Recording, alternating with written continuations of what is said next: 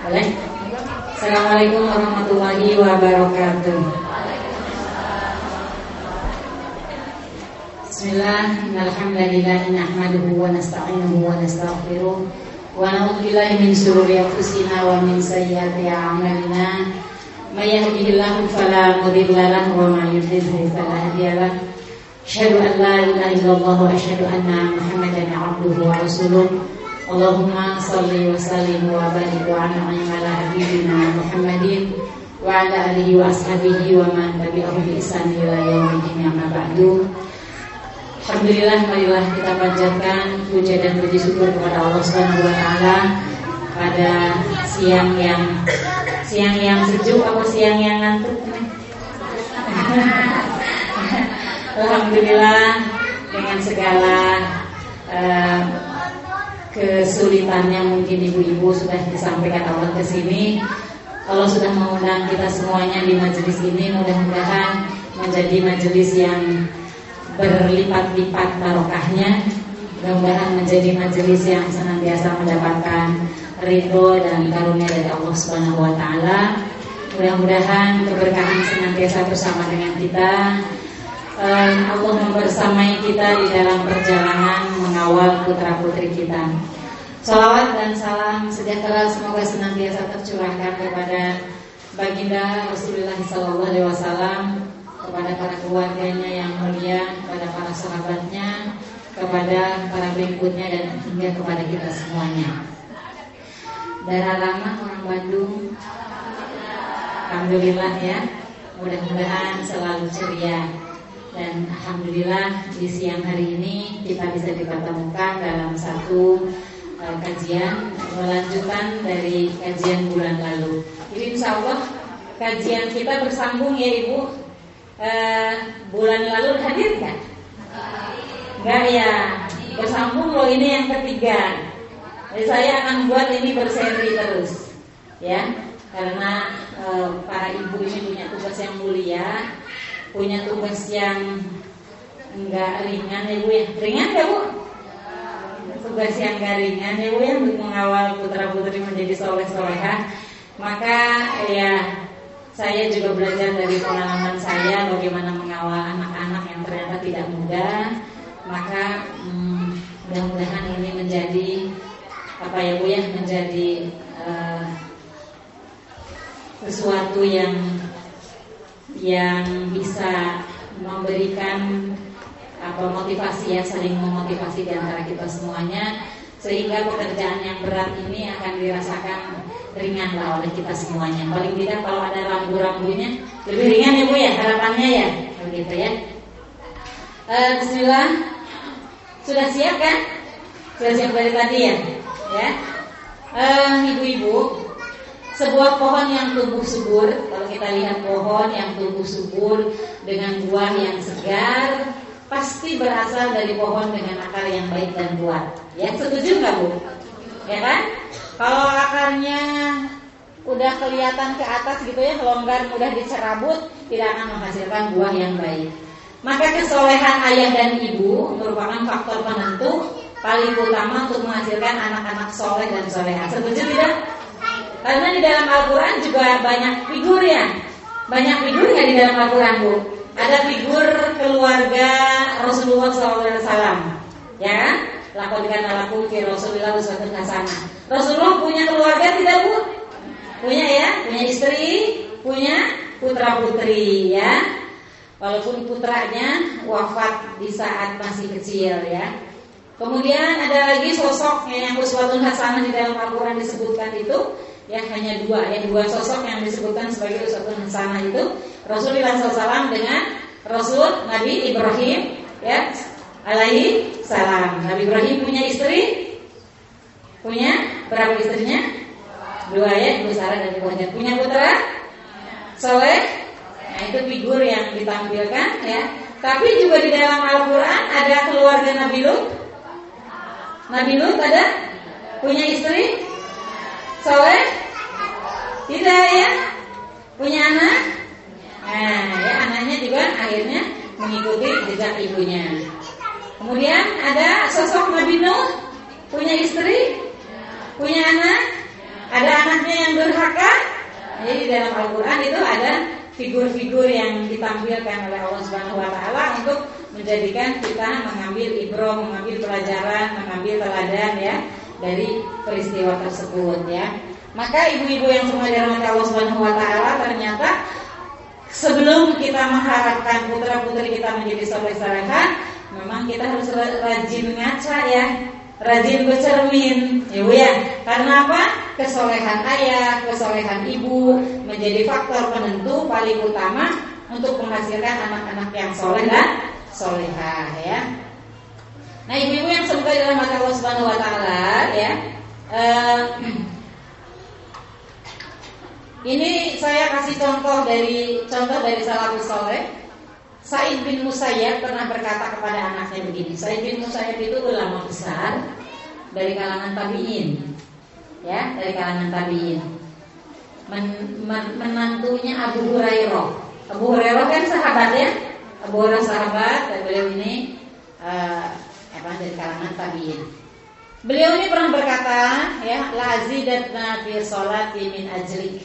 Wahai anakku, sungguh aku terus menerus menambah sholatku karenamu agar kamu menjadi soleh.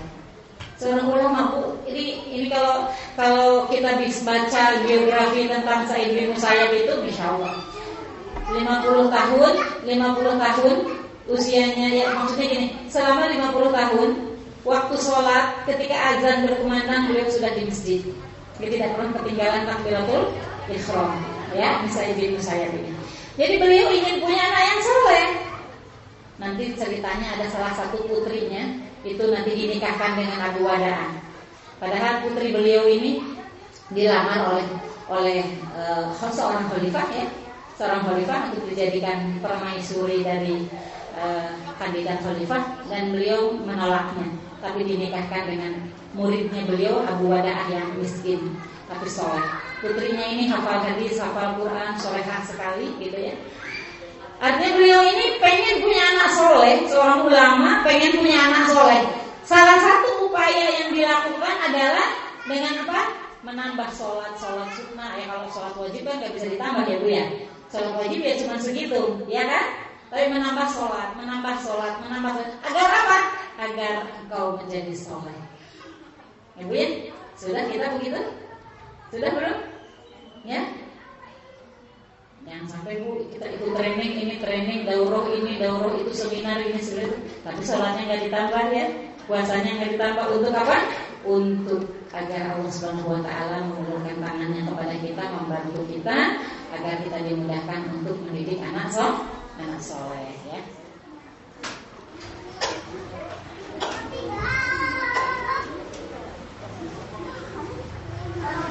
Kemudian Ma min mu'minin yamutu ila hafizahullahu fi aqibihi wa aqibi aqibi.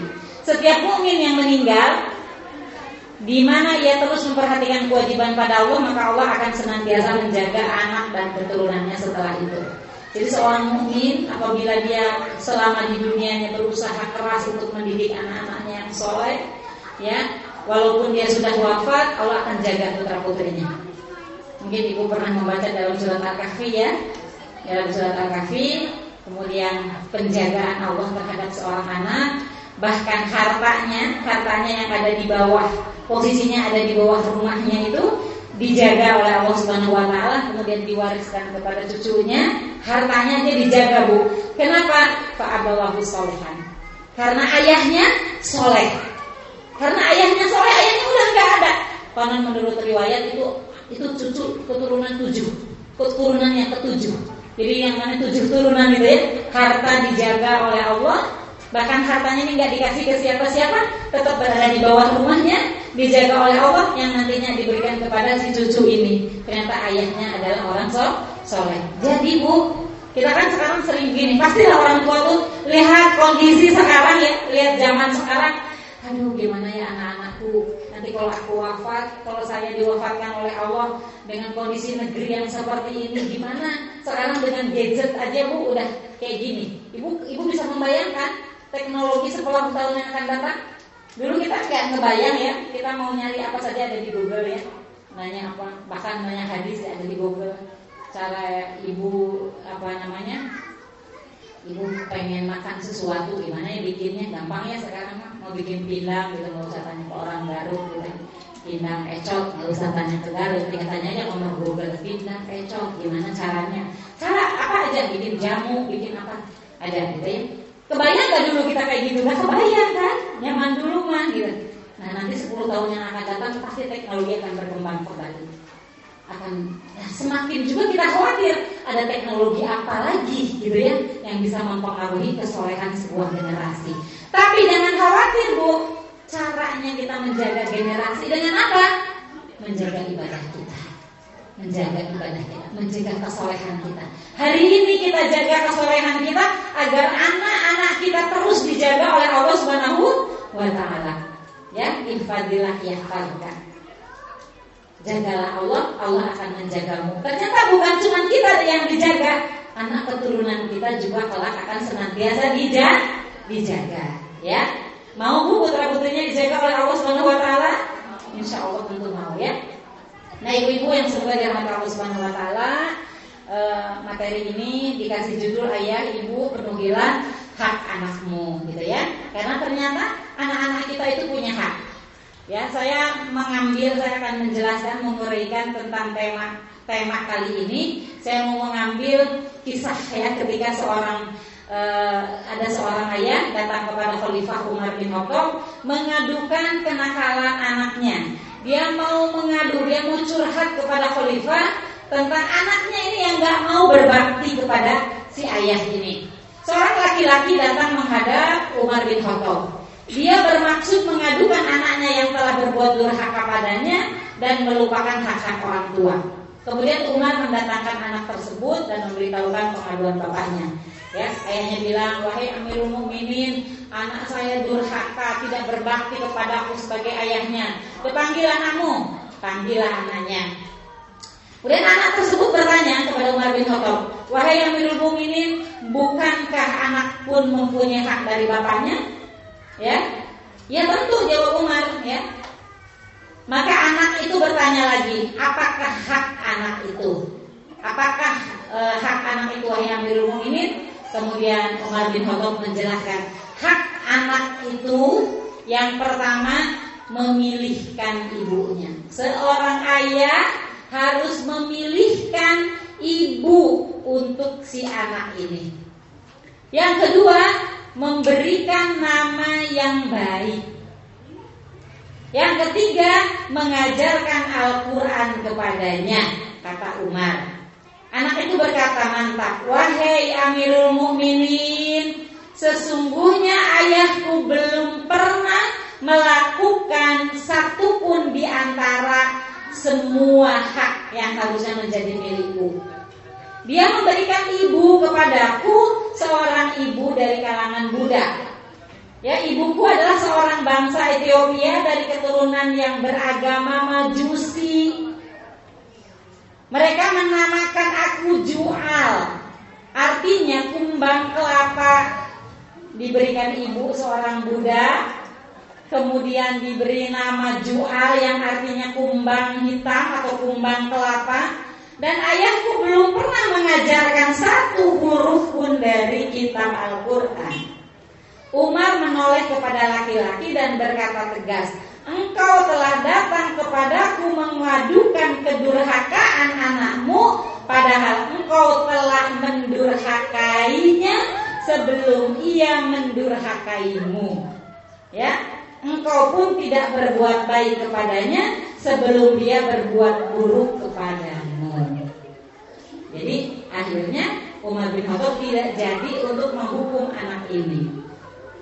Malah ayahnya yang disalahkan karena tidak memenuhi hak seorang anak. Maka kita dari ya, dari kisah ini kita mengambil paling tidak ada tiga paling tidak ya bukan berarti cuma tiga paling tidak dari hadis ini ada tiga hak anak yang harus dipenuhi oleh orang tua yang pertama memilihkan ibu.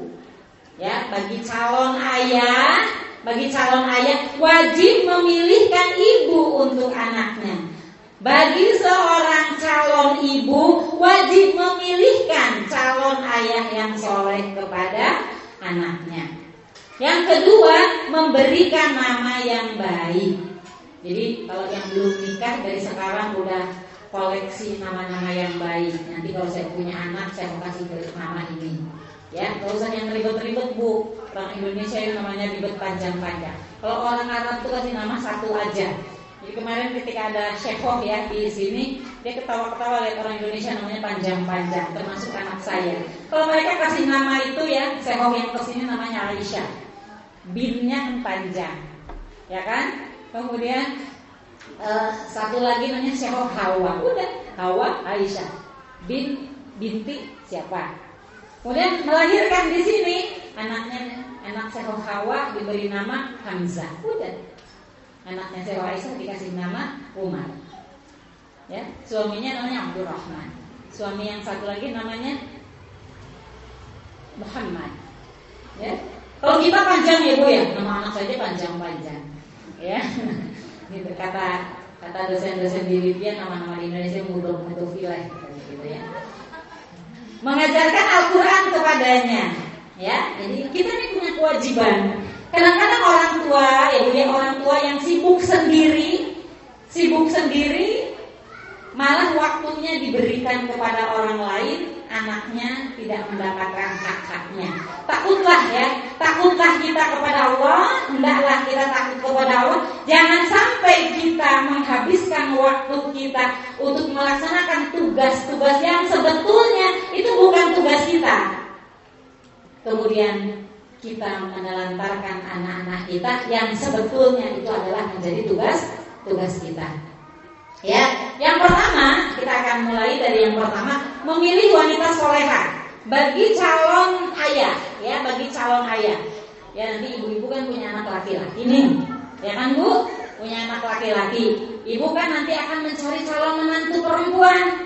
Kalau mencari calon menantu perempuan maka lihat apa yang menjadi rambu-rambu? Ini saya mengambil dari Quran surat An-Nisa ayat 34. Fasolihatu qanitatun hafidhatu lil ghaibi bima hafizallah.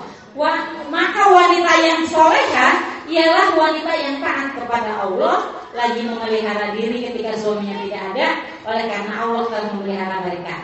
Maknanya adalah ia taat kepada Allah. Wanita soleha ya yang layak diambil istri oleh seorang mukmin yang layak diambil menantu oleh seorang oleh orang tua yang mukmin dia adalah wanita soleha. Siapa dia? Wanita yang taat kepada Allah Azza Wajalla dan taat kepada suaminya kelak nanti dan dia menjaga kehormatan suaminya. Ketika tidak ada di tempat juga menjaga hartanya dan kehormatan dirinya. Jadi ini modal modal atau bekal bagaimana kelak akan tumbuh generasi yang soleh soleha, maka dia harus berasal dari wanita soleha dan suami yang soleh. Ibu ya, maka ini menjadi PR bagi kita. Bagaimana kita mendidik putra putri putra putri kita. Nah hati-hati ini. Ada peringatan dari Rasulullah SAW jauhilah kalian yaitu siapa? Al diman Ya Al-Khadra'u Siapa Al-Khadra'u Para sahabat ketika diingatkan oleh baginda Nabi, ya, hati-hati kalian terhadap Al-Khadra'u Para sahabat bertanya, siapakah Al-Khadra'u Al-Khadra'u ya Rasulullah? Ya, maka Nabi SAW menjawab, yaitu wanita yang cantik namun tumbuh di lingkungan yang buruk. Ya ini hadis riwayat terbukti walaupun hadis ini doif tetapi ini bisa menjadi pelajaran buat kita bahwa hati-hati terhadap wanita yang dia tumbuh di lingkungan yang tidak baik. Maka tugas kita juga bagaimana menciptakan lingkungan yang baik. Itulah gunanya dakwah itu. Salah satu tujuan dakwah kita adalah membuat lingkungan kita kondusif untuk tumbuh kembangnya anak-anak kita Ya itu pentingnya kita dakwah ibu kalau bisa mengajar ya para ibu di tetangga makin kita mengajar. Gak bisa ngajar ibunya ibu ngajar TPA ngajar anak-anak kecil. Ya nggak bisa bikin TPA kumpulin anak-anak diceritakan tentang hadis-hadis diceritakan tentang uh, apa namanya e, kisah para sahabat. Berbuatlah sesuatu untuk lingkungan. Karena apa? Karena anak kita kelak akan tumbuh di lingkungan itu. Gak mungkin anak kita dibiarkan steril di dalam rumah, gak boleh nongol di jendela. Kenapa? Karena tetangganya nggak baik. Gak bisa. Anak kita butuh lingkungan. Maka kita yang membuat agar lingkungan itu kondusif untuk tumbuh kembangnya anak-anak kita. Di situlah pentingnya kita berdakwah kepada lingkungan. Jadikanlah setiap rumah adalah rumah Quran. Jadikanlah setiap rumah adalah rumah dakwah. Ya, dan kita adalah para dai itu, para penyeru kebaikan. Dan Nabi Shallallahu Alaihi Wasallam menganjurkan untuk menikahi wanita yang memiliki agama, yaitu yang solihah, Ketika Rasulullah SAW bersabda, maukah kalian aku beritahu sebaik-baik harta benda itu? Yaitu wanita soleha. Hadis ini diriwayatkan Al Hakim dari Ibnu Abbas radhiyallahu anhu. Ya, sampai di sini paham ibu ya? Dan sampai di sini kita bisa ngaca nih. Bentar, sebentar, sebentar. Kenapa nih anak saya agak susah-susah? Ya kan?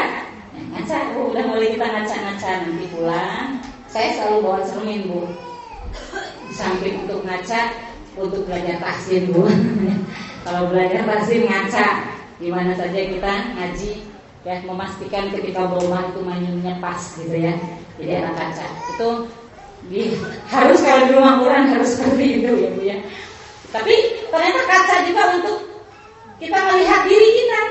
Kira-kira kenapa anak kita belum soleh? Oh pantesan. Ada di saya nih masalahnya. Maka mari kita mendidik diri mari kita mensolehkan diri kita.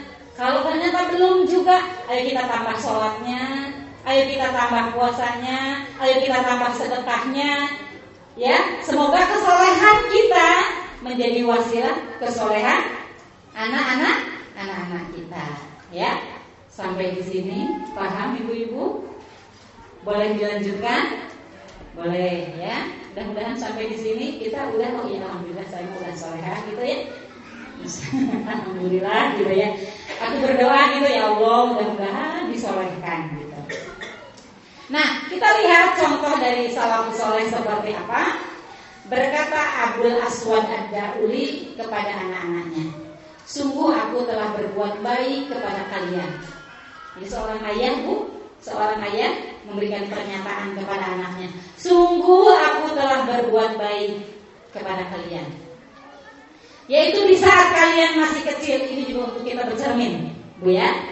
Saya kan udah tua nih, saya boleh nggak bercermin. Anak saya pernah kecil, anak saya pernah dewasa gitu dan anak saya sekarang sudah ya sudah sudah lebih gede gitu ya sudah ada sudah punya istri, sudah punya anak.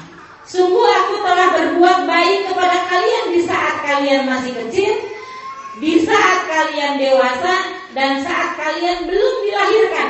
Bahkan sebelum kalian dilahirkan, aku sudah berbuat baik kepada kalian. Anaknya bertanya, bagaimana engkau berbuat baik kepada kami di saat kami belum dilahirkan? Dia menjawab, dengan aku pilihkan untuk kalian seorang ibu yang tiada celah padanya. Saya banget gitu ya Bu ya? Saya banget. Amin gitu Bu. Amin. Ya Bu ya? Alhamdulillah. Dengan aku pilihkan untuk kalian seorang ibu yang tiada celah padanya yaitu ibu soleha. Amin. Amin gitu bu yang kencang bu. Iya, mudah-mudahan itu kita ya. Amin gitu. Ya paling tidak amin amin dulu bu. Jadi di majelis ilmu, di majelis ilmu itu banyak para malaikat. Semoga aminnya kita sampai ke, ke langit dan kita dimudahkan untuk mensolehkan diri kita. Karena ini satu rumus yang nggak bisa yang nggak bisa enggak. Kalau kita mau soleh, kalau kita mau anak yang soleh, kita harus mensolehkan diri kita, ya. Nah, seorang istri juga hendaknya memilih suami dari laki-laki yang soleh, ya. Seorang istri ketika mau menikah, perhatikan siapa calon suaminya. Ini dari Abu Hurairah radhiyallahu anhu bahwasanya Rasulullah Shallallahu alaihi wasallam bersabda, ya, idza khataba ilaikum man taz man taradawna dinahu wa khuluquhu fazawwijuhu Ila taf'alu takun fitnatun fil ardi wa fasadun 'arid. Apabila datang kepada kalian para wali seorang yang kalian ridhoi agamanya, Nih ibu-ibu yang udah punya anak gadis, ya, ibu yang udah punya anak gadis, apabila datang kepada kalian yaitu para wali seorang yang kalian ridhoi agamanya, ketemunya tuh di masjid, sehari ketemu lima kali tuh sama si bujang itu ya, ketemu ada majelis taklim selalu ada. Sholat lima waktu dia selalu sok nomor satu gitu ya Seseorang yang kalian pilih agamanya dan akhlaknya untuk meminang anak wanita kalian, maka hendaklah kalian menikahkan orang tersebut dengan wanita kalian. Bila kalian tidak melakukannya, niscaya akan terjadi fitnah di bumi dan kerusakan yang besar. Bu ya, itu kriteria bu, rambu-rambu untuk para orang tua, ya. Nah ibu, ini saya mau cerita tadi tentang uh, Said bin Musayyab. Said bin Musayyab itu seorang ulama besar ya punya murid-murid yang banyak. Salah satu muridnya itu namanya Abu Wada'ah. Abu Wada'ah ini beberapa hari menghilang. Padahal dia tidak pernah absen, tidak pernah absen. Ya, kalau kalau beliau mengajar tidak pernah absen, tapi kok beberapa hari menghilang. Nah, ketika Abu Wada'ah datang lagi di majelis taklim, ditanya. Ketika sudah pada pulang, yang lain ditanya, kamu ke mana saja selama ini? Ya, saya mohon maaf saya tidak memberitahu Tuhan selama ini saya absen karena istri saya meninggal. Loh kenapa kamu tidak tidak beritahu ya? Kan ya Tuhan yang beritahu kepada kami kalau kita dapat musibah ya kita nggak usah pakai woro-woro gitu ya. Akhirnya uh, kata beliau, sudahkah kamu ingin menikah lagi? Gitu, baru meninggal istrinya gitu kan? Bingung kan dia? Saya tidak punya apa pun untuk menikahi seorang wanita kecuali satu dua dirham saja yang saya miliki. Ya, bagaimana kalau saya nikahkan kamu dengan putriku? Kaget kan? Putrinya putri, putri ulama besar. Yang ternyata ini wanita tadi yang mau dilamar oleh khalifah untuk putra mahkotanya dan kemudian oleh beliau tidak diberikan. Kenapa tidak diberikan? Sebetulnya tidak diberikannya bukan karena apa? Karena beliau takut nih anak yang sudah dididik hafal Quran, hafal hadis nanti tinggal di istana terus terlena lupa dengan ya segala sesuatu yang indah di istana itu maka beliau tidak berikan kepada putra khalifah. Tapi malah dinikahkan dengan Abu Wada. Abu Wada ini lagi sahur. Dia tuh bingung, ya bingung lah bu, udah punya istrinya baru meninggal, kemudian dinikahkan dengan anak putri seorang ulama, gitu ya terus dia tuh bingung-bingung ngeloyor aja pulang. Pulang ke rumahnya terus dia makan buka kan maghrib di rumahnya terus dia makan korma lagi makan korma tok tok tok tok diketok gitu. Siapakah anda? Said Said gitu. Kaget kan? Said bin Musayyib tuh gak pernah keluar dari masjidnya. Kok tiba-tiba pergi ke, ke rumahnya? Ada apa gerakan ya ada apa? Ada salah apa gitu akhirnya dibukakan pintunya kata beliau kamu kan sudah saya nikahkan tadi. Jadi dinikahkan waktu tadi waktu tadi akan saya nikahkan itu dipanggil beberapa orang saya nikahkan kamu dengan putri saya. Kamu kan sudah saya nikahkan dengan putri saya. Dia belum percaya kalau sudah dinikahkan. Ya jadi saya eh, saya tidak suka kalau kamu dengan istrimu berjauhan maka saya antar anakku kepadamu. Dia nggak percaya tuh cantik soleha pinter ya kan? Hafal Quran hafal hadis ya. Dan itu cantik dan solehah hampir tidak percaya? Dan beliau tidak punya uang kecuali satu dua dirham itu. Akhirnya Said bin Musayyib ini bukan cuma memberikan putranya memberikan perbekalan untuk hidup mereka. Ya? Nah seperti itu. Itu contoh dari dari para dari para salafus saleh bagaimana mereka menghantarkan putra putrinya kepada kebahagiaan dunia dan dan akhirat ya Nah, pondasi atau asas ya. Pondasi yang kuat sebagai dasar pertimbangan dalam memilih pasangan hidup suami istri adalah dengan memperhatikan bagaimana cara dia beragama. Jadi kita melihat kriteria ya ibu ya, kriteria calon pasangan itu atau kalau ibu mungkin calon menantu ya karena sebagian besar di sini dan sudah punya pasangan, melihatnya dari mana? Cara dia beragama. Bagaimana dia beragama? Ya, apakah dia beragama dengan benar? Ya, dan kemudian memperhatikan akhlaknya. Karena mungkin ibu sudah merasakan sehari-hari yang dominan antara kita dengan suami itu bab akhlak ya bu ya. Ya enggak Bu? Bapak dari bangun tidur sampai tidur kembali.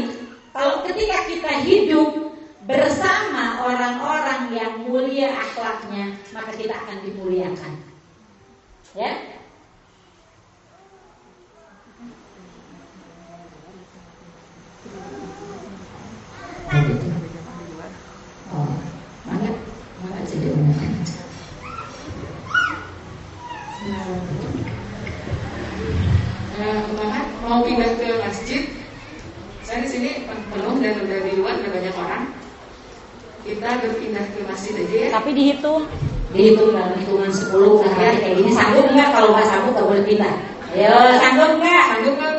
pindah? Hitung sama dia 10 udah rapi ini satu dua tiga gitu ya. Iya. Siap? Kenapa? Atau maju? Maka terserah ibu-ibu, saya manut aja. Atau mau maju aja ke depan? Di luar sana udah ada beberapa jamaah maju aja ya enggak ke mana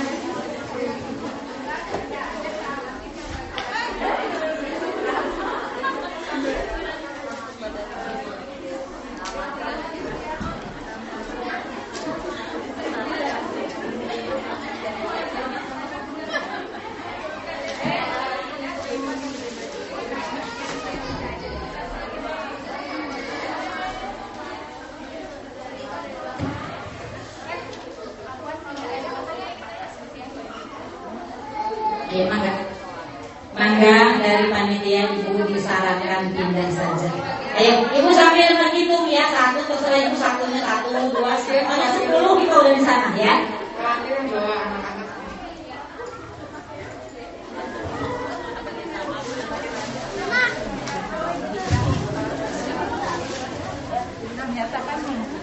Iya, ini ini ada kameranya enggak? Eh, ada ya. Gimana? Di ada kameranya ada dipinjamkan dulu kali ya. Bisa? Nggak bisa. Nah, offnya ya. Oh ya off dulu kan.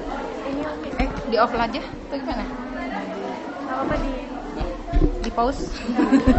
Sok mangga itu bagiannya. Itu bagian kita.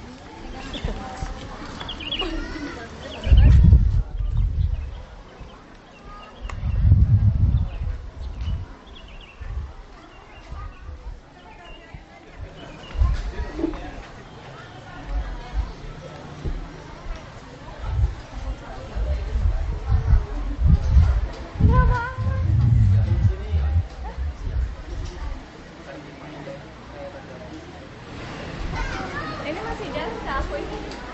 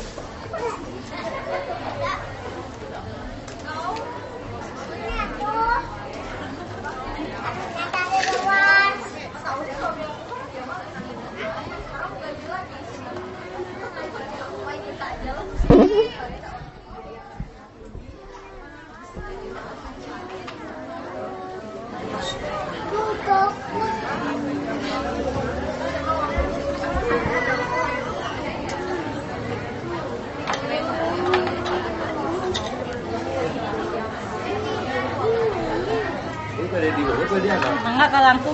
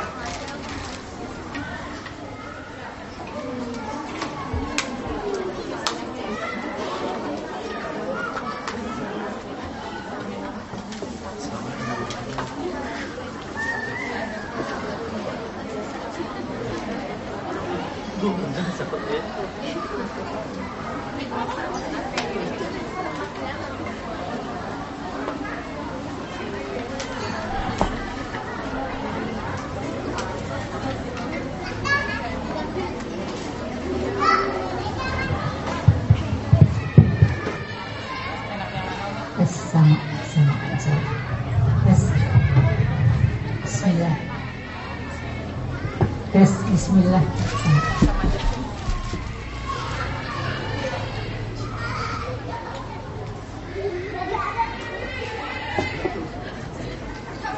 Kita lanjutkan ya ibu-ibu, siap ya?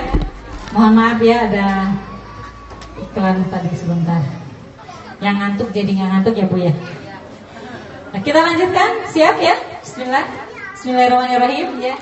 Jadi ibu-ibu yang semoga dirahmati Allah Subhanahu wa taala bahwa pondasi atau asas yang kuat sebagai dasar pertimbangan dalam memilih pasangan hidup ya suami istri adalah dengan memperhatikan bagaimana cara dia beragama dengan benar dan memperhatikan akhlaknya. Itulah awal mula hakikat dalam rangka mendidik anak-anak kita dengan benar nantinya. Jadi ketika cal memilih calon, di sini ada yang belum menikah, angkat tangan yang belum menikah. Mudah-mudahan banyak didoakan pada kesempatan hari ini sehingga dapat pasangan yang soleh. Amin. Ya, ini ini harus diperhatikan. Apa yang harus diperhatikan? Cara dia beragama, ya, dan bagaimana ya akhlaknya. Karena itu akan menjadi awal mula ya sebagai modal untuk ke depannya nanti mendidik anak. Karena ketika kita punya anak, maka kita harus berazam, berusaha semaksimal mungkin agar anak-anak itu menjadi soleh. Karena kalau tidak akan menjadi malapetaka. Ya bukan? Ya kan bu? Nah, ya, ya. Jadi ketika kita punya anak, kita azamkan, kita berusaha, kita berdoa, ya kita didik dengan baik agar anak itu menjadi soleh. Karena jika tidak, maka itu akan menjadi petaka kita di dunia maupun di di akhirat. Maka ini dimulai ketika mencari mencari pasangan atau kita sebagai orang tua mencarikan pasangannya karena di sini ada mungkin yang usianya sudah seperti saya, gitu ya sudah bukan mencari pasangan lagi tapi mencarikan pasangan untuk anak atau untuk cucu gitu ya. Nah, inilah rambu-rambunya ya. Yang kedua tadi yang disampaikan oleh Khalifah Umar bin Khattab yang kedua hak dari anak atau yang menjadi kewajiban dari orang tua adalah memberi nama yang baik. Rasulullah SAW menganjurkan agar memberi nama yang baik.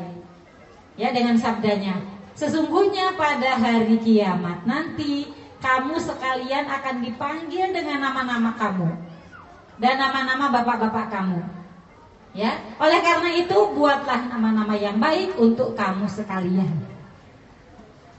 Ya Bu ya, ini perhatikan sekali lagi bahwa Rasulullah SAW menganjurkan agar memberi nama yang baik dengan sabdanya. Sesungguhnya pada hari kiamat nanti kamu sekalian akan dipanggil dengan nama-nama kamu. Ya, Dan nama-nama bapak-bapak kamu. Oleh karena itu buatlah nama-nama yang baik untuk kamu sekalian. Ya, walaupun hadis ini munqati ya terputus Nah ibu-ibu yang semoga dirahmati Allah Subhanahu tetapi dalam pelaksanaannya Rasulullah sendiri memang sering mengganti nama para sahabat, bahkan istri-istrinya ya, istrinya sudah dinikahi oleh Rasulullah SAW, kemudian diganti namanya jika namanya itu ya kurang kurang baik. Bukan cuma nama orang, ya bahkan Rasulullah itu ya apa saja yang memang oleh Rasulullah dipandang itu kurang baik. Bahkan pernah mau melewati sebuah bukit, bukit itu namanya buruk, ya dan berkonotasi buruk Rasulullah tidak jadi lewat situ lewat ke tempat yang lain. Jadi berarti nama itu ada pengaruhnya. Ya berarti nama ada pengaruhnya. Jadi jangan kita asal-asalan memberi nama kepada putra putri kita. Kalau sekarang ternyata namanya jelek diganti aja. Ya kan karena dulu waktu kita melahirkannya dulu kita tidak tahu diganti saja. Ya? Karena apa? Karena ternyata ada pengaruh antara nama dengan orang yang punya nama tersebut ya. Nah, rambu-rambu untuk pemberian nama apa saja nih? Apa sih nama eh, apa namanya? Rambu-rambunya bahwa nama itu adalah baik. Tidak memilih nama yang jelek yang jelas-jelas kayak tadi, jual, artinya kumbang hitam. Gitu ya. Masa anak kita dipanggil, "Hei kumbang hitam," gitu kan? Nah, atau berkonotasi pembersihan diri. Nggak boleh juga nanti anak menjadi e, misalnya panggilannya cantik gitu ya. Ini anak tuh merasa cantik gitu ya. Jadi nggak boleh juga yang berkonotasi terlalu memuji diri sendiri atau pembersihan diri. Juga tidak memilih nama yang berkesan mencaci maki. Nah Rasulullah SAW merubah nama buruk menjadi nama yang lebih baik yang membuat sejuk di hati pemanggilnya maka tidak diperbolehkan memberikan nama Izzuddin, Muhyiddin, Nasruddin itu dan nama-nama yang sejenisnya yang berkonotasi memuji diri sendiri. Ya. Nah, nama-nama itu harus secepatnya dirubah menjadi nama-nama yang baik. Nah, nama yang yang paling disukai oleh Allah Subhanahu wa taala apa namanya? Abdul Rahman, ya. Abdullah. Ya, Abdul Rahman, Abdullah itu nama-nama yang nama-nama yang baik yang di dalamnya mengandung mengandung doa. Ini dari Said bin Musayyab, ini masih disebut lagi dari Said bin Musayyab, dari bapaknya, dari kakeknya berkata Rasulullah SAW bertanya kepadaku, siapa namamu? Ya, dan kakek Said pun menjawab, namaku Hazan. Ini jadi Said bin Musayyab itu punya kakek. Berarti kakeknya kan hidup di masa Rasulullah. ya kan? Hidup di masa Rasulullah. Uh, Said bin Musayyab ini ayahnya namanya Musayyab. Musayyab ini punya ayah namanya Hazen. Ya kan Bu? Nah, suruh diganti oleh Rasulullah, tapi dia nggak mau diganti. Ya, kata dia, aku nggak mau diganti. Aku tidak akan mengubah nama yang telah diberikan oleh bapakku. Lantas Ibnu Musayyab berkata, setelah itu kesusahan selalu menimpanya. Karena arti arti lain dari kata hazin, artinya hazin adalah susah. Atau arti lainnya adalah juga keras kepala. Maka kata Said bin Musayyab, saya menyesal kenapa kakekku tidak mau berganti nama. Sehingga keturunan kami banyak yang keras kepala. Ya, banyak yang keras kepala. Karena apa? Karena artinya selain sedih, artinya juga keras kepala gitu. Saya sedih, saya menyesal. Kenapa kakek dulu nggak mau disuruh ganti namanya oleh Rasulullah, dia nggak mau ganti nama. Ya, jadi kalau dulu kita diberi nama, tapi kok artinya nggak bagus gitu ya, itu boleh diganti ya, karena nama adalah doa. Sampai di sini paham ibu ya? Yang pertama tadi apa bu? Hak hak anak mencarikan ibu yang baik. Tapi kita udah jadi ibunya, ya jadilah ibu yang baik. Kok mencarikan ibu yang baik maksudnya apa? Kita cariin ibu lagi gitu ya. Jangan kan gitu. Jangan gitu. Terus gimana dong? Ya udah kita jadi ibu yang yang baik. Karena sekarang ibunya adalah kita. Sudah berlalu itu. Sekarang ibunya adalah kita. Maka mari kita menjadi ibu yang menjadi ibu yang baik gitu ya. Uh, pasti karena kalau disuruh carikan ibu lagi kan nggak mau juga kitanya gitu kan? Maka udah kita jadi ibu ya jadi ibu yang baik untuk anak kita. Yang kedua apa bu? Memberi nama yang baik karena nama adalah doa. Ya kalau namanya udah baik jangan disingkat-singkat lagi. Namanya baik ya panggil dengan nama yang yang baik gitu. Abdullah udah bagus dipanggilnya apa? Dul gitu. Ya kan? Abdullah panggil Abdullah ya karena itu nama yang nama yang baik. Makanya kalau nggak mau yang panjang-panjang ya udah Hamzah Umar Amir gitu kan? Pendek-pendek. Karena daripada Abdullah panggilannya Dul. Ya kan Bu? Ya gitu. Itu yang kedua. Yang ketiga yang ketiga Bu mengajarkan Al-Quran kepadanya. Ya Ibu yang semoga dirahmati Allah Subhanahu wa taala, Al-Qur'an adalah kitabullah yang mengandung petunjuk kebenaran. Kita sudah sudah sepakat, sudah paham, sudah yakin bahwa Al-Qur'an adalah petunjuk kepada kebenaran, petunjuk kepada keselamatan, petunjuk kepada kebahagiaan hidup di dunia maupun di di akhirat, ya. Al-Qur'an itu sempurna, kita sudah yakin. Dan Al-Qur'an terjaga originalitasnya tetap orisinil Al-Quran itu sampai kapan pun. Ya dia akan terjaga hingga hari kiamat. Al-Quran bukan sekedar teori yang tertulis pada mushaf. Namun dia sudah pernah dipraktekkan di masa Rasulullah SAW. Dan kita tahu bagaimana ya ketika Al-Quran itu dihidupkan, ketika Al-Quran dipraktekkan dalam kehidupan sehari-hari.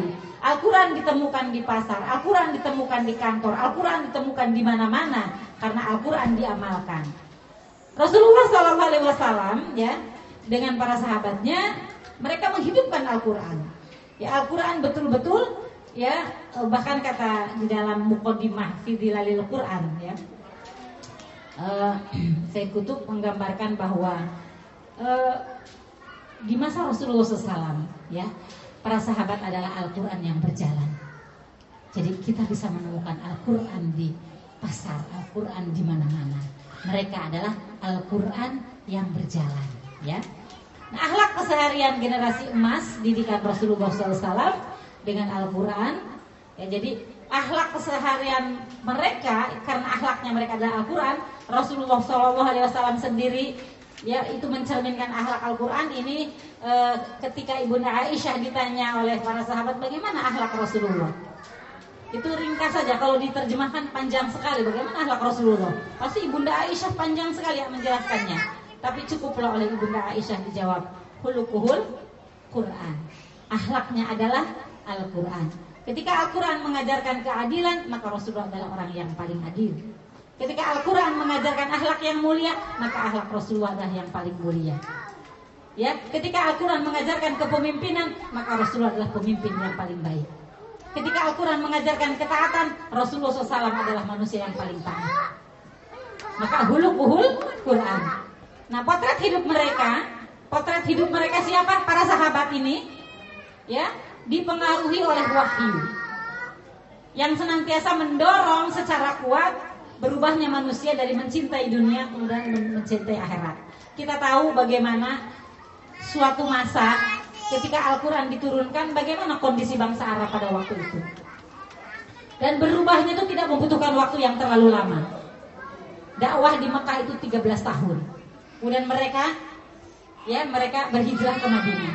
Rasulullah itu dakwah itu 13 tahun di Mekah 10 tahun di Madinah tetapi ketika baginda Nabi wafat apa yang terjadi di dunia pada waktu itu peradaban dalam genggaman kaum muslimin jadi yang ditinggalkan oleh baginda Nabi SAW dari hasil pendidikan dengan kurikulum Al-Quran adalah satu generasi yang mulia, generasi yang agung, generasi yang bisa menggenggam dunia.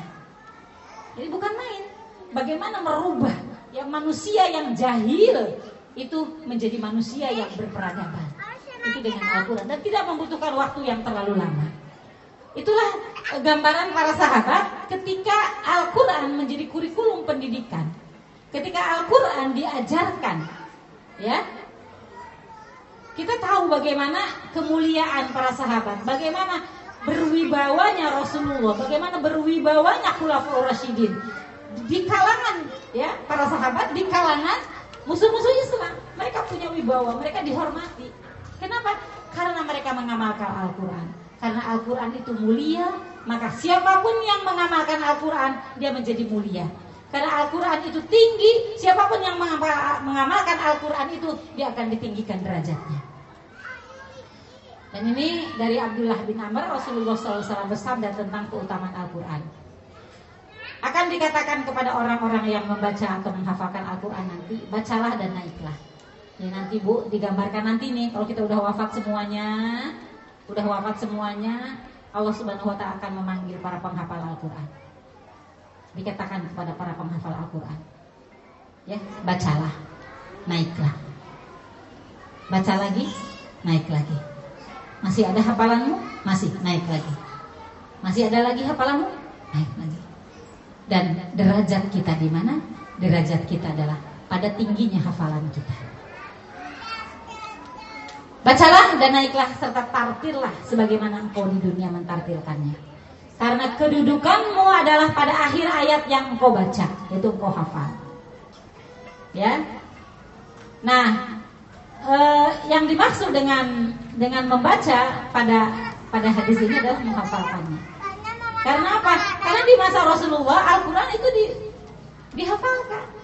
Di masa Rasulullah itu udah ada mushaf Quran yang bisa dibaca? Sudah ada. Ya Rasulullah itu, kalaupun ada ditulis, itu ditulis hanya orang-orang tertentu yang menulis dan menuliskannya tidak semua orang punya lengkap, tidak ada. Nanti ada sahabat ini menuliskan ayat apa disimpan di rumahnya. Ada sahabat ini menuliskan di atas daun, ada sahabat yang menuliskan di atas kulit disimpan di rumahnya. Kapan pengumpulan Al-Quran? Di masa? Di masa Abu Bakar dulu ya, Abu Bakar yang pertama, masa Abu Bakar. Pertama di masa Abu Bakar dulu. Ketika apa kekhawatiran Umar bin Khattab? Karena banyak para sahabat yang meninggal. Ya ketika perang memerangi eh, orang-orang yang para penghafal Al-Quran. Ketika memerangi orang yang tidak mau membayar zakat itu banyak penghafal Al-Quran yang wafat. Ada kekhawatiran dari, dari Umar bin Khattab. Bagaimana kalau penghafal Al-Quran ini wafat. Al-Quran hanya sampai generasi sekarang saja. Maka diusulkan kepada Abu Bakar untuk menuliskan Al-Quran. Abu Bakar nggak berani tadinya. Saya tidak mau berbuat sesuatu yang Rasulullah tidak pernah mencontohkannya. Tapi kemudian ya eh, Umar bin Khattab memberikan alasan yang sangat kuat. Akhirnya Abu Bakar As-Siddiq melakukan itu. Ketika itu kan baru satu gitu ya Al-Quran itu. Dan itu belum ada fathah, kasroh, titik itu nggak ada bu itu adanya fathah, kasroh, titik itu udah ke sini ke sini bu. Ya udah para udah wafat untuk para khulafaur rasidin adanya fathah, kasroh, titik dulu nggak ada. Kebayang nggak bu? Kebayang nggak Al-Quran? Nggak ada fathah nggak ada kasroh nggak ada titiknya. Sekarang ada titik, ada fathah, ada kasroh, udah gede banget Qurannya, bacanya salah juga. ya udah bacanya salah nggak mau belajar. Kalau bacanya salah masih mau belajar itu masih alhamdulillah ya. Gitu ya jadi itu keutamaan Al-Quran. Ya. Nah Bagaimana Al-Quran yang mulia itu? Al-Quran yang ternyata nanti di akhiratnya Akan menjadi kedudukan kita yang paling tinggi Ketika hafalan kita banyak Maka itu akan menjadi kedudukan kita. Bagaimana Allah subhanahu wa ta'ala memuliakan Para ahli Al-Quran di dunia maupun di maupun di akhirat? Maka inilah yang harus menjadi kurikulum pendidikan kita. Karena kurikulum Al-Quran itu diwariskan dari generasi ke generasi Bagaimana Rasulullah SAW? Dari mana Rasulullah belajar Al-Quran? Dari malaikat Jibril. Ya, Al-Quran diturunkan, kemudian kepada malaikat Jibril kemudian diajarkan kepada Rasulullah SAW. Rasulullah mengajarkan kepada siapa? Kepada para sahabat. Para sahabat mengajarkan kepada siapa? Kepada para tabiin. Para tabiin mengajarkan kepada tabiut tabiin. Terus begitu. Dan berujung di kita harusnya. Dari kita ke bawah lagi. Jadi kalau ditelusuri ibu ke atas, ibu harus sampai ibu kepada Rasulullah SAW. Siapa guru ibu hari ini harus tersambung. Karena seperti itulah ilmu disampaikan turun temurun dari generasi ke generasi. Ya, makanya kami betul-betul menjaga di rumah Quran Bunda Aisyah kita menjaga betul agar bacaannya itu bersanad ya kepada sampai kepada Rasulullah Shallallahu Alaihi Wasallam. Seperti itulah Al-Quran diwariskan. Seharusnya kemuliaan itu juga diturunkan dari generasi ke generasi karena generasi para sahabat adalah manusia-manusia yang paling mulia. Kemuliaan itu juga diturunkan kepada para tabiin. Tabiin adalah orang-orang yang mulia. Kemudian ya, karena Ibnu Mas'ud pernah menggambarkan begini. Allah Subhanahu wa taala melihat hati-hati manusia. Dan terpilihlah hati yang paling baik yaitu Muhammad Rasulullah SAW dipilihlah beliau menjadi rasul. Kemudian sesudah itu Allah melihat lagi hati-hati yang paling baik. Maka dipilihlah para sahabat. Mereka lah yang menemani perjuangan Rasulullah Wasallam. Maka para sahabat, ya, dan para tabiin itu adalah generasi yang terbaik dan ini juga digambarkan oleh baginda Nabi khairu kurun korni. Sebaik-baik generasi adalah generasiku. Kemudian sesudahku, kemudian generasi sesudahku. Artinya, Al-Quran, ketika Al-Quran diwariskan dari generasi ke generasi, maka kemuliaan juga diwariskan dari generasi ke generasi. Maka jika generasi umat ini tidak mewarisi Al-Quran, maka generasi ini tidak akan mewarisi kemuliaan. Dan jika kita ingin mewariskan kepada anak-anak kita kemuliaan, maka kita harus wariskan kepada mereka nilai-nilai.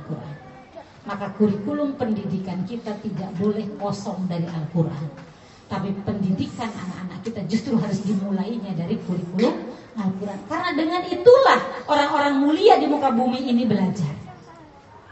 Para sahabat, ya ini kisah ya kisah uh, yang menggambarkan bagaimana para sahabat belajar Al-Quran. Dari Jundub bin Abdullah, ia berkata, kami dahulu bersama Nabi Shallallahu Alaihi Wasallam. Berarti dia adalah seorang sahabat. Ya, Jundub bin Abdullah ini adalah seorang sahabat. Kami dahulu bersama Nabi Shallallahu Alaihi Wasallam. Kami masih anak-anak yang mendekati balik. Ya, kalau anak-anak mendekati balik itu sekarang kelas berapa? Kelas 3 ya. Karena sekarang baliknya cepat ya kelas 3, kelas 4 kami mempelajari iman sebelum kami mempelajari Al-Quran Lalu setelah itu kami mempelajari Al-Quran Hingga bertambahlah iman kami kepada Al-Quran. Hadis riwayat Ibnu Majah. Penjelasan penjelasan e, tentang hadis tadi yang dijelaskan oleh Syekh Abu Yazid. Wajib bagi seorang ibu untuk mengajarkan kepada anaknya Al-Quran. Sebagaimana para sahabat mengajarkan kepada para tabiin itu Al-Qur'an. Wajib bagi kita para ibu untuk mengajarkan anak-anaknya apa yang wajib? Pertama-tama tentang keimanan akan Al-Qur'an beserta kedudukannya. Jadi sebelum kita ngajar ngaji itu kita harus jelaskan dulu kepada anak-anak kita kenapa kita harus belajar ngaji. Di sini ada guru TPA tidak? Ya, ibu guru TPA ajarkan kepada anak-anak, kenapa nak kamu harus belajar Al-Quran? Seorang ibu harus mengajarkan kepada anaknya, kenapa nak kamu harus belajar Al-Quran? Ya, agar anak ini mengimani Al-Quran. Jangan sampai anak belajar Al-Quran tapi dia tidak tahu mengapa dia harus menghafal Al-Quran. Karena Al-Quran bahasa Arab. Kenapa saya harus belajar Al-Quran? Tanamkan kepada anak kemuliaan Al-Quran, keagungan Al-Quran. Maka siapa pun yang mempelajari Al-Quran, dia akan menjadi mulia. Jadi iman dulu, iman kepada Al-Quran. Karena beriman kepada kitab adalah wajib ya, termasuk rukun iman. Kita harus beriman kepada Al-Quran Bahwa ini adalah diturunkan dari Allah Subhanahu Wa Taala. Yang kedua Juga tentang kewajiban untuk mengarahkan diri ya Untuk mentadaburi Al-Quran. Selain mengimani Al-Quran Anak-anak kita didik agar dia mau mentadaburi Al-Quran Ketika anak belajar tentang amma yatasaalun, ini tentang apa? Anin naba'il azim. Di, ditadaburi sedikit-sedikit sesuai dengan usia anak. Ya, sehingga anak mengerti dia sedang baca apa, dia dia sedang sedang membaca apa, dia sedang belajar apa. Tapi kalau ibunya nggak tadabur, gimana bu mau ngajarin tadabur kepada anak-anaknya? Ya. Jadi selain kita mengajarkan kepada anak-anak, kita juga harus mengajarkan tentang tadabbur. Makanya eh, di rumah Quran Bunda Aisyah kita pakai atibian ya Bu ya. Untuk anak-anak tuh kita pakainya atibian. Atibian itu udah belajar huruf, kemudian huruf itu juga ketika mengajarkan huruf juga ada nasid-nasid yang di dalamnya syarat sekali dengan pelajaran ya. Kemudian uh, apa namanya dia belajar untuk menghafal Al-Quran, belajar untuk hadis-hadis pendek dan itu para guru dianjurkan ya diarahkan oleh kita agar ketika menghafal anak-anak juga dijelaskan makna-makna dari ayat-ayat tersebut. Jangan sampai anak menghafal saja tapi tidak tahu maknanya apa, ditadaburi ya ayat-ayatnya. Yang ketiga juga mengajarkan kepadanya rukun iman yang enam ya. Dan pembagian tauhid. Ya tauhid rububiyah tauhid uluhiyah tauhid asma wa sifat. Hingga dia memandang penting untuk mengambil faidah dari Al-Qur'an. Ya ketika alhamdulillahi rabbil alamin. Karena ibu kita wajib mengajarkan tauhid kepada anak-anak. Wajib tidak? Wajib kan? Dan sebetulnya mengajarkan tauhid itu bu mudah sekali karena apa bu? Dari doa-doa kan anak-anak biasa ya anak TPA aja udah belajar doa kan? Doa bangun tidur. Ayo ibu-ibu baca karena ibu-ibu udah yang ngantuk. Yang ngantuk doa. Alhamdulillahilladzi ahyana badama amatana wa ilaihin nusur. Itu aja sudah bisa belajar tauhid dari kalimat itu. Alhamdulillahilladzi ahyana. Ya nak yuk kita berdoa bangun tidur. Alhamdulillahilladzi ahyana. Segala puji bagi Allah yang telah menghidupkan kami sesudah tidur. Sesudah mati. Karena orang orang tidur kan gak sadar apa-apa. Coba kalau nggak dibangunkan sama Allah, Bu. Bablas. Dibangunin nggak bangun-bangun. Ya bangun. Ya bangun. Nggak bangun-bangun. Gimana, Bu? Aja nggak jadi berdoa alhamdulillahilladzi ahyana ba'da ma kan? Nah, itu aja dari situ aja kita sudah bisa mengajarkan tauhid. Jadi siapa nak yang menghidupkan kita? Allah. Itu sudah tauhid rububiyah kan? Ya kan? Alhamdulillahilladzi ahyana ba'da ma amatana wa ilaihi nusur. Doa makan aja kan sudah tauhid ya? Bismillahi. Apa doa makan? Allahumma barik lana atau bismillahirrahmanirrahim. Ya, atau ketika kita mengajarkan Al-Fatihah, alhamdulillahirabbil alamin itu sudah tauhid rububiyah. Nah masalahnya nih ibunya tahu nggak tauhid rububiyah itu apa? Repot kalau kita wajib mengajarkan tauhid, tapi kita sendiri tidak tahu bagaimana itu ilmu tauhid. Maka kita harus belajar nggak bu tentang tauhid? Saya ke Bandung sebulan sekali, saya ada ngajar tauhid bu ya. Tadi ngajar tauhid di Alidayah. Juga mengajarkan kepadanya agar tidak menyenangkan keinginannya untuk sekedar membaca huruf-huruf Al-Quran seraya mengabaikan ketentuan-ketentuan dan hukum-hukumnya. Bukan untuk senang-senang aja, senang gitu ya. Ternyata Al-Quran disenandungkan indah, Al-Quran itu disenandungkan indah. Tapi kita membaca Al-Quran bukan hanya untuk itu. Ya, bukan hanya untuk senandung-senandung. Ada di daerah-daerah tertentu yang hampir sekampung tuh kalau baca Qurannya tuh enak gitu loh. Tapi kan bukan sekedar kita baca suratnya enak, tapi kita harus mentadaburi ayat-ayatnya. Sehingga itu tadi penjelasan dari hadis ya dari Jundub bin Abdullah itu dahulu kami belajar iman dulu, baru kami belajar Al-Quran. Artinya belajar mengimani Al-Quran itu sehingga ketika belajar Al-Quran itu disertai dengan keimanan yang kuat sehingga Al-Quran ditadaburi bukan cuma dibaca-baca saja ya jadi itu di antaranya kewajiban seorang ibu untuk mengajarkan Al-Quran kepada anaknya nah di masa sahabat Al-Quran dihafalkan ya karena pada waktu itu memang tidak ada tulisannya jadi Al-Quran itu ditalaki dia Rasulullah SAW itu kan ditalaki ya Bu ya. Rasulullah kan tidak bisa membaca Bu. Bagaimana Rasulullah menghafal Al-Quran? Ditalaki oleh siapa? Oleh malaikat Jibril. Jadi musafahah. Jadi kalau sekarang Bu, ini ada murid rumah Quran nggak? Ada ya? Nah, di rumah Quran kan kita talaki ya Bu ya. Bahkan kalau sehoh menganjurkan talaki itu berdekatan. Ini kalau belum berdekatan mana ustazahnya ya? Itu berdekatan.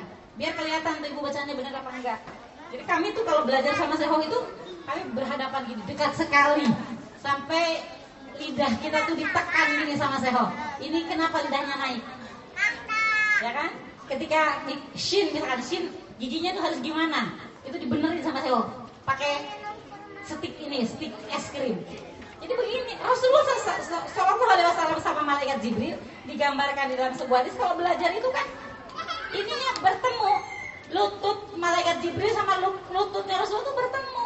Ini kalau musafahah begitu belajar Al-Quran Rasulullah kan gak bisa baca Ini Rasulullah ditalaki langsung oleh malaikat Jibril Malaikat Jibril ya dari Allah Subhanahu Wa Taala. Kemudian Rasulullah juga mentalaki para sahabat. Jadi kalau ada tujuh riwayat itu ya tujuh tujuh riwayat itu di, ditalaki Rasulullah satu-satu ya satu-satu ditalaki Rasulullah kepada para sahabat. Sahabat kepada para tabiin juga seperti itu ditaraki satu-satu. Ya, begitu. Kita juga mengajar Al-Quran seperti itu. Nih yang udah punya cucu ya neneknya, ya sini cucu cucu laki. Alhamdulillah gitu. Kita, nah kalau kita nggak tahu ya, ya gimana tuh? Kita jadi harus tahu, ya, ayo, domahnya yang manyun gitu kan? Begini manyunnya, uh, gitu kan? Nah kita harus belajar. Nah kalau kita nggak belajar, gimana ngajarin anak-anak? Ya kan Bu? Nah, yang itu mengajarkan Al-Quran itu begini Bu Mustafa kan langsung talaki. Biar apa bacaannya itu benar. Ya.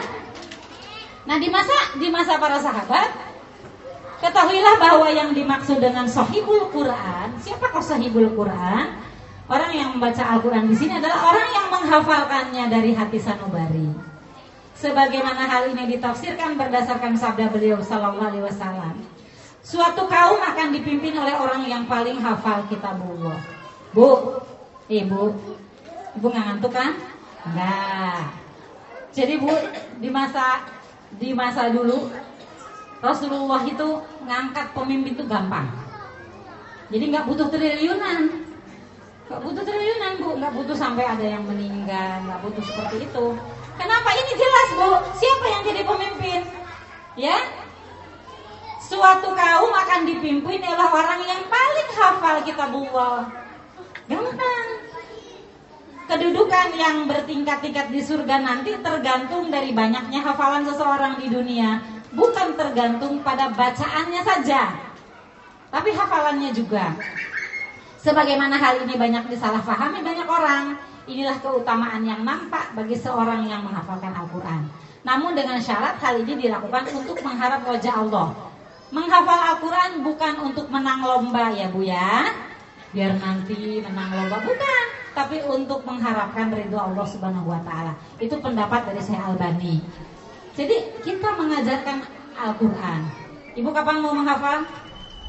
Bu Kapan mau menghafal Quran? Kapan? Mulai Kalau nggak dimulai, dimulai nggak hafal Ibu jangan sibuk ikut training cara cepat menghafal Al-Quran, ikut training lagi cara cepat menghafal Al-Quran, beda lagi training di sini menghafal. Hayo ikut training menghafal Al-Quran tapi ibu nggak hafal. Kita, ibu pengen dapat mahkota nggak dari anak kita? Ya jangan anak kita digenjot suruh menghafal Al-Quran tapi ibunya tidak menghafal Al-Quran. Bu, otak ibu masih banyak yang kosong, tenang aja. Masih diisi dengan Al-Quran, masih muat. Ya, jangan bilang capek. Otak saya sudah penuh belum, belum penuh. Otak kita belum penuh, karena otak itu luar biasa kemampuannya. Siap nggak menghafal Al-Quran? Bismillah, ya. Karena nanti kedudukan kita di sisi Allah tergantung dari tingginya hafalan kita.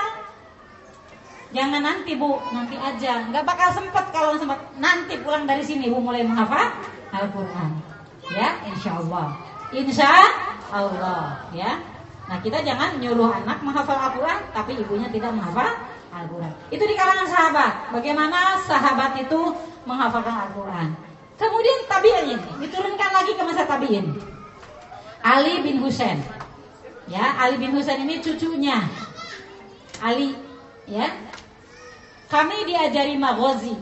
Rasulullah SAW sebagaimana kami diajari surah dalam Al-Quran. Jadi ini adalah tabiin. Tabiin diajari oleh siapa bu? Bu, tabiin diajari oleh sahabat. Kami diajari maghazi. Maghazi itu siroh ya.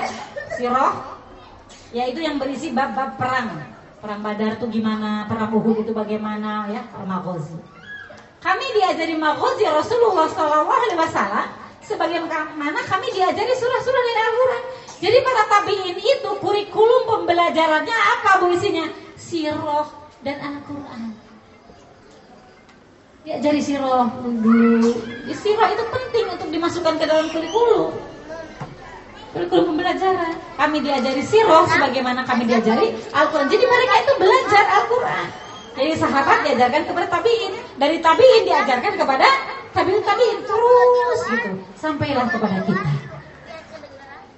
Ya, bu kalau kita bergaulnya sama para syehoh ya dari Yaman, kita tuh benar-benar baru terkaget-kaget ya ya negeri kita tuh ternyata negeri sekuler ya bu ya. Belajar macam-macam gitu, udah tua baru belajar Quran. Saya bergaul kemarin selama tujuh bulan sama Syehoh itu malu bu. Saya bilang saya tanya kepada mereka, kapan uh, kapan uh, saya ha selesai hafalan? SMP selesai 30 juz saya selesai. Kapan saya ngambil sanad? Enggak lama saya ambil sanad. Saya ambil sanad cuma dua bulan. Padahal saya ngirim ustadzah bu sampai tiga tahun itu. Hampir tiga tahunnya ngirim untuk pengambilan sanad kepada saya alam. Saya dua bulan kan? Syahrain. Karena bacaan saya sudah bagus. Ya, Masya Allah gitu. Ya, Kemudian saya bilang e, seluruh wanita Yaman bisa masak? Ya, kami bisa masak semua. 12 tahun wanita-wanita Yaman sudah bisa masak. Jadi kita nih belajar apa aja ya Bu? Apa Al-Quran? Enggak, bisa masak? Enggak, gitu ya. Dan banyak hal-hal lain lagi yang saya obrolkan tentang budaya-budaya di sana itu yang Masya Allah. Saya pernah pernah makan sama beliau, kemudian di pojok sana ada yang pakai celana pendek. Dia terheran-heran, kenapa Umi diam saja? Kenapa Umi itu nggak diajarin itu suruh pakai jilbab? Saya bilang di sini nggak bisa begitu. Kenapa nggak bisa? Katanya mungkin dia begini. Saya bilang mungkin dia bukan. Loh kalau begini tanya dulu sama Umi. Ya, saya dimarahin bu. Tanya apakah anda Muslim? Kalau anda Muslim pakailah jilbab. Kalau di sini nggak bisa begitu. Kalau Umi nggak bisa lewat tulisan, Umi harus lewat tulisan. Jangan membiarkan karena Rasulullah tidak pernah mendiamkan kebatilan. Tuh Saya tambah-tambah malunya saya. Saya sampai harus menjelaskan seho di sini tuh nggak kayak gitu. Jadi di sana kan masih banyak yang asli aslinya gitu ya. Sementara kita tuh bu udah belajar macam-macam ya bu ya. Belajar ini belajar ini. Eh belajar Qurannya bu udah 50 tahun. Menghafalnya udah 60 tahun. Ke mana aja selama ini kita? Ya bu ya. Sedih nggak bu? Sedih bu. Ya sedih. Padahal kita punya anak yang kita harus mengajarkan kepadanya Al-Quran tapi tidak ada kata terlambat, tidak ada kata terlambat. Kita tahunya hari ini, kita belajar hari ini. Siap bu? Siap. Nanti malam ya. Amma alun. Ya nggak apa-apa. Kata anak-anak, mama ngapain? Ngapal. Mama udah tua ngapal? Iya, mama harus ngapal. Nggak mau kalah sama kamu. Gitu ya kan ya? Iya. Anaknya sudah hafal juz 3 nggak apa-apa. Kita baru juz 30. Ya, insya Allah.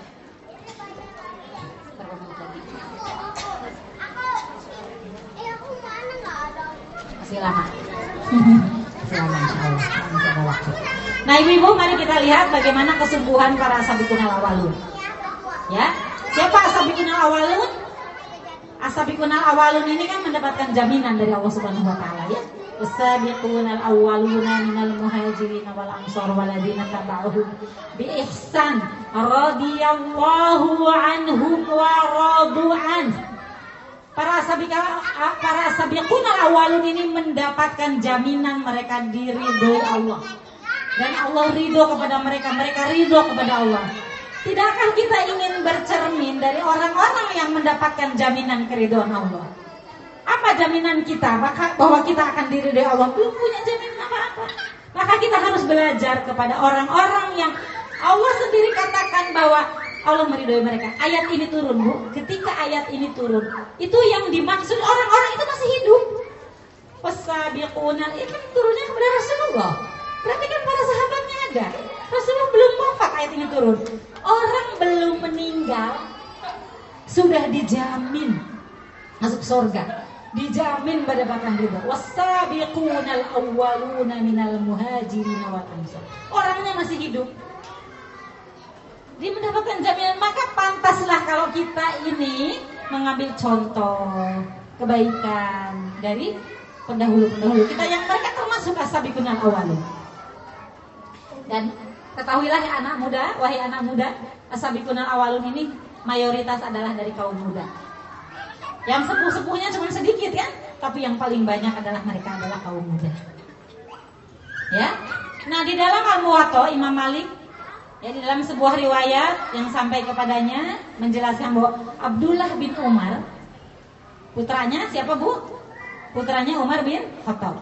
Abdullah bin Umar secara fokus mempelajari surat Al-Baqarah selama 8 tahun. Jadi nggak apa-apa Bu kalau kita belum hafal Al-Baqarah, tapi sudah mulai menghafalnya. Kenapa Bu? Karena betul-betul beliau bukan cuma hafal doang, tapi ditadaburi. Ada apa dalam surat Al-Baqarah?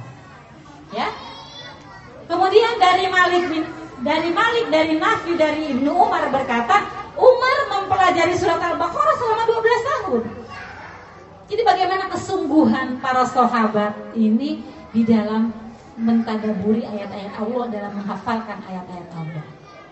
Manakala dia menghatamkannya maka dia menyembelih onta. Jadi boleh ya kita hatam Alhamdulillah sudah hatam 30 juz. Hatam hafal maksudnya. Kalau baca kan udah sering. Hafal ya, menghatamkan ya sehingga kita layak Fatimah kita sudah menghafal Al-Quran boleh ibu mau nyembelih kambing jadi jati diri seorang mukmin itu bu identitas seorang mukmin itu diukurnya dengan Al-Quran seberapa banyak nilai-nilai Al-Quran yang ada padanya. Berapa banyak ayat-ayat Al-Quran yang sudah dihafalkannya. Berapa ayat-ayat yang sudah diamalkannya.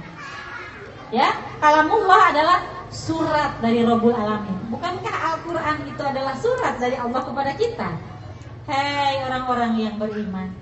Bu, para sahabat itu bu, kalau dipanggil wahai orang-orang yang beriman Ya ayuhaladina Mereka tuh langsung menghentikan segala pekerjaannya dan kemudian mendengarkan apa yang akan disampaikan, apa yang akan disampaikan oleh Rasulullah SAW.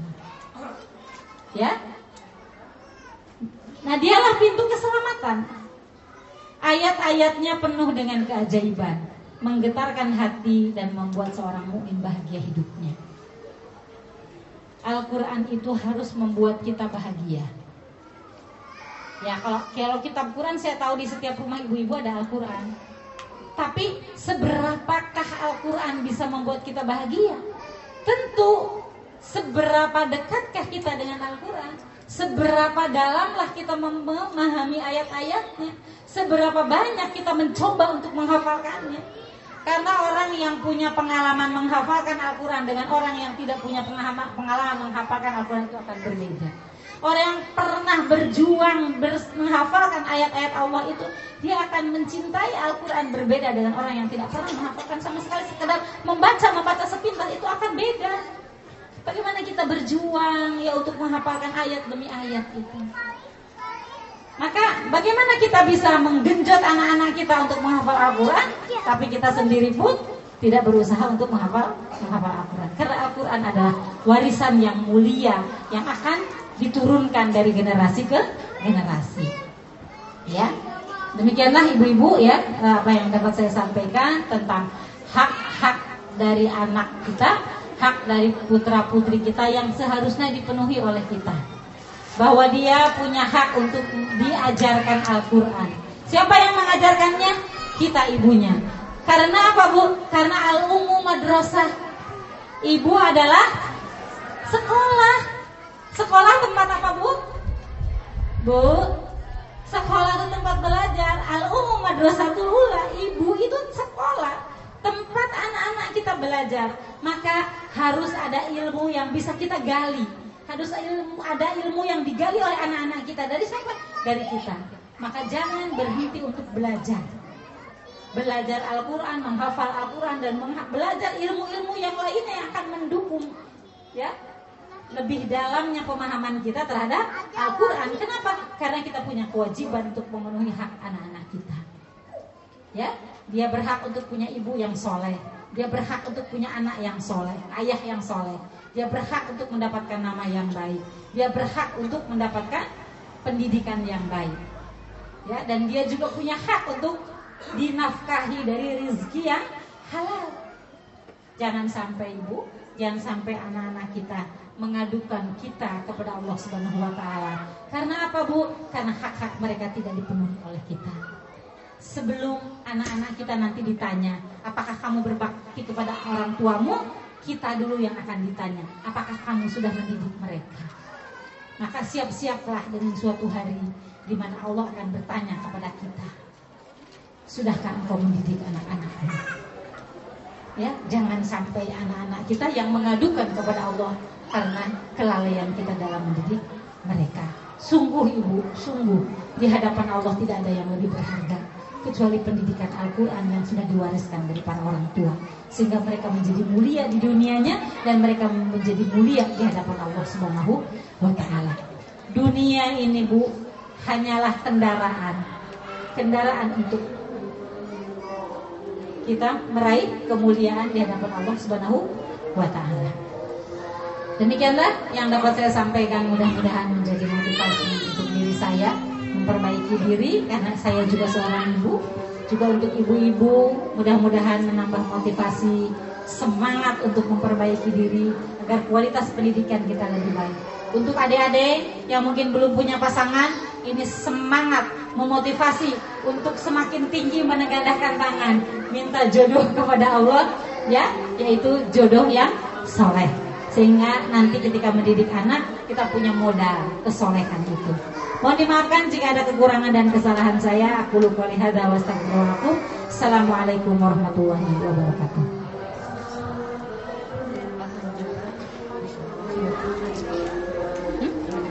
Uh, boleh kalau ada waktunya.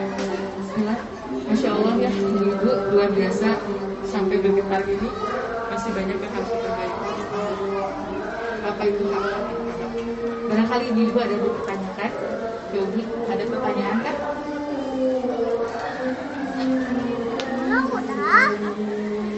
Ada ada yang mau bertanya kan tentang materi?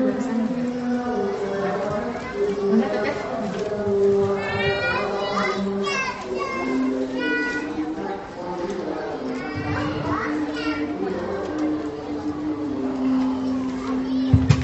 Bismillahirrahmanirrahim. Assalamualaikum warahmatullahi wabarakatuh. Waalaikumsalam. Nama, nama saya Nurul. Uh, saya mau bertanya ini uh, bagaimana menyikapi ketika ada yang mem- memotivasi seperti ini? Wanita itu sebenarnya ketika sudah melakukan empat kewajiban di rumahnya sudah bisa masuk surga gitu ya.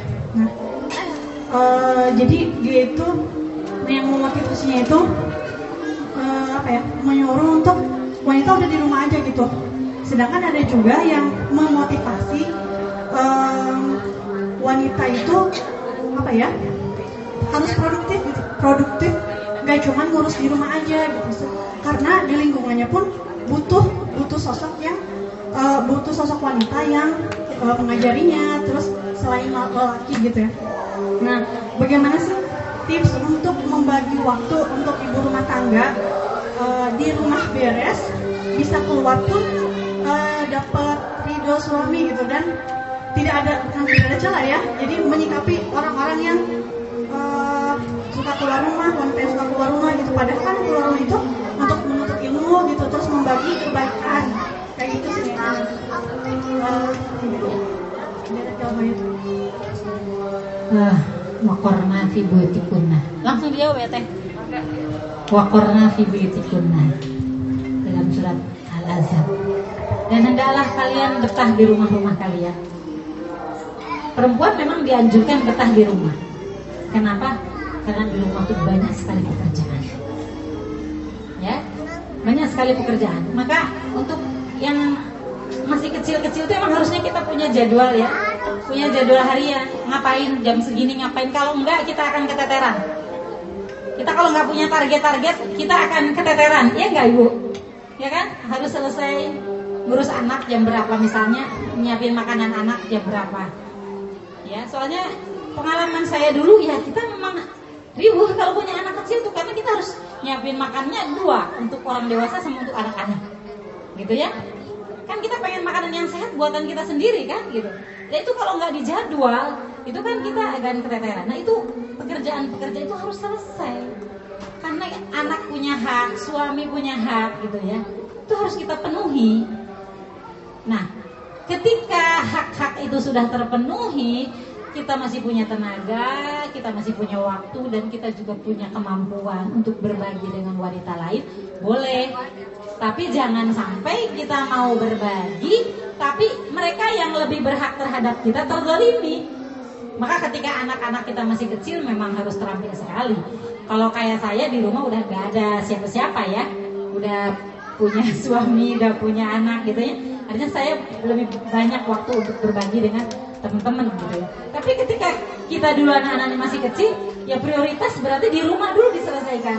Kalaupun kita mau keluar, kita harus memastikan anak kita sudah makan, anak kita ada yang jagai, kemudian hak suami tidak terambil ya, tidak terdolimi, hak anak tidak terdolimi, kita harus memastikan itu gitu ya. Kalau enggak ya nanti akan terjadi ketimpangan. Maka untuk untuk kita bisa berbagi dengan teman-teman di luar itu butuh kecerdasan sebagai seorang wanita. Kecerdasan memanage waktu ya kan? Kemudian kita juga tahu diri yang mau dibagi itu apa. Jangan sampai kita memberi kepada orang tapi kita sendiri anak anak cucu kita ya dia tidak diberikan haknya oleh oleh kita. Itu sebetulnya. Jadi memang kita mempelajari Islam harus harus apa ya? Harus komprehensif gitu ya. Kita harus tahu. Kita mencontoh dari istri-istri Rasulullah. Itu salah satu hikmahnya kenapa Rasulullah tuh istrinya banyak? Agar kita bisa belajar. Kan ada istri Rasulullah yang punya anak banyak. Seperti Ummu Salamah ya kan sudah membawa anak dari Abu Salamah ya kan? Dia punya anak ya. E, bagaimana Ummu Salamah? Bagaimana ibunda Aisyah? Kita kita bisa mencontoh ya banyak belajar sirah. Bagaimana ibunda Aisyah memerankan perannya bagaimana ibunda Hafsah? Bagaimana ibu Fatimah? Ya yang anaknya ya. Luar biasa gitu ya. Bagaimana ini sosok-sosok ini menginspirasi kita ya? Karena kadang-kadang ini ada ketimpangan-ketimpangan dalam masyarakat. Di satu sisi kita harus di rumah terus di sisi lain juga ada yang oh boleh begitu gitu ya. Bahkan sama ada yang menyamakan kita dengan kaum laki-laki itu harus sama gitu. Nah ini bagaimana menyeimbangkan semuanya kita sesudah kita mengetahui apa yang menjadi hak anak, apa yang menjadi hak suami, apalagi kalau di rumah ada orang tua kita, mereka punya hak yang lebih besar. Boleh berbagi kita ketika yang ada di rumah itu haknya sudah terpenuhi. Begitu teh? Kejawab enggak? Ya, seperti itu ya. Jadi banyak baca juga ya kisah-kisah para sahabiah. Bagaimana sih mereka memainkan peran-perannya? Ya. Masih ada pertanyaan lagi kan teh? Mungkin eh, kita bacakan kesimpulannya. Ada hal-hal dari hak-hak anak menurut Islam itu pertama mencarikan istri atau suami yang soleh. Yang kedua memberikan anak yang baik. Yang ketiganya mengajarkan mereka Al-Quran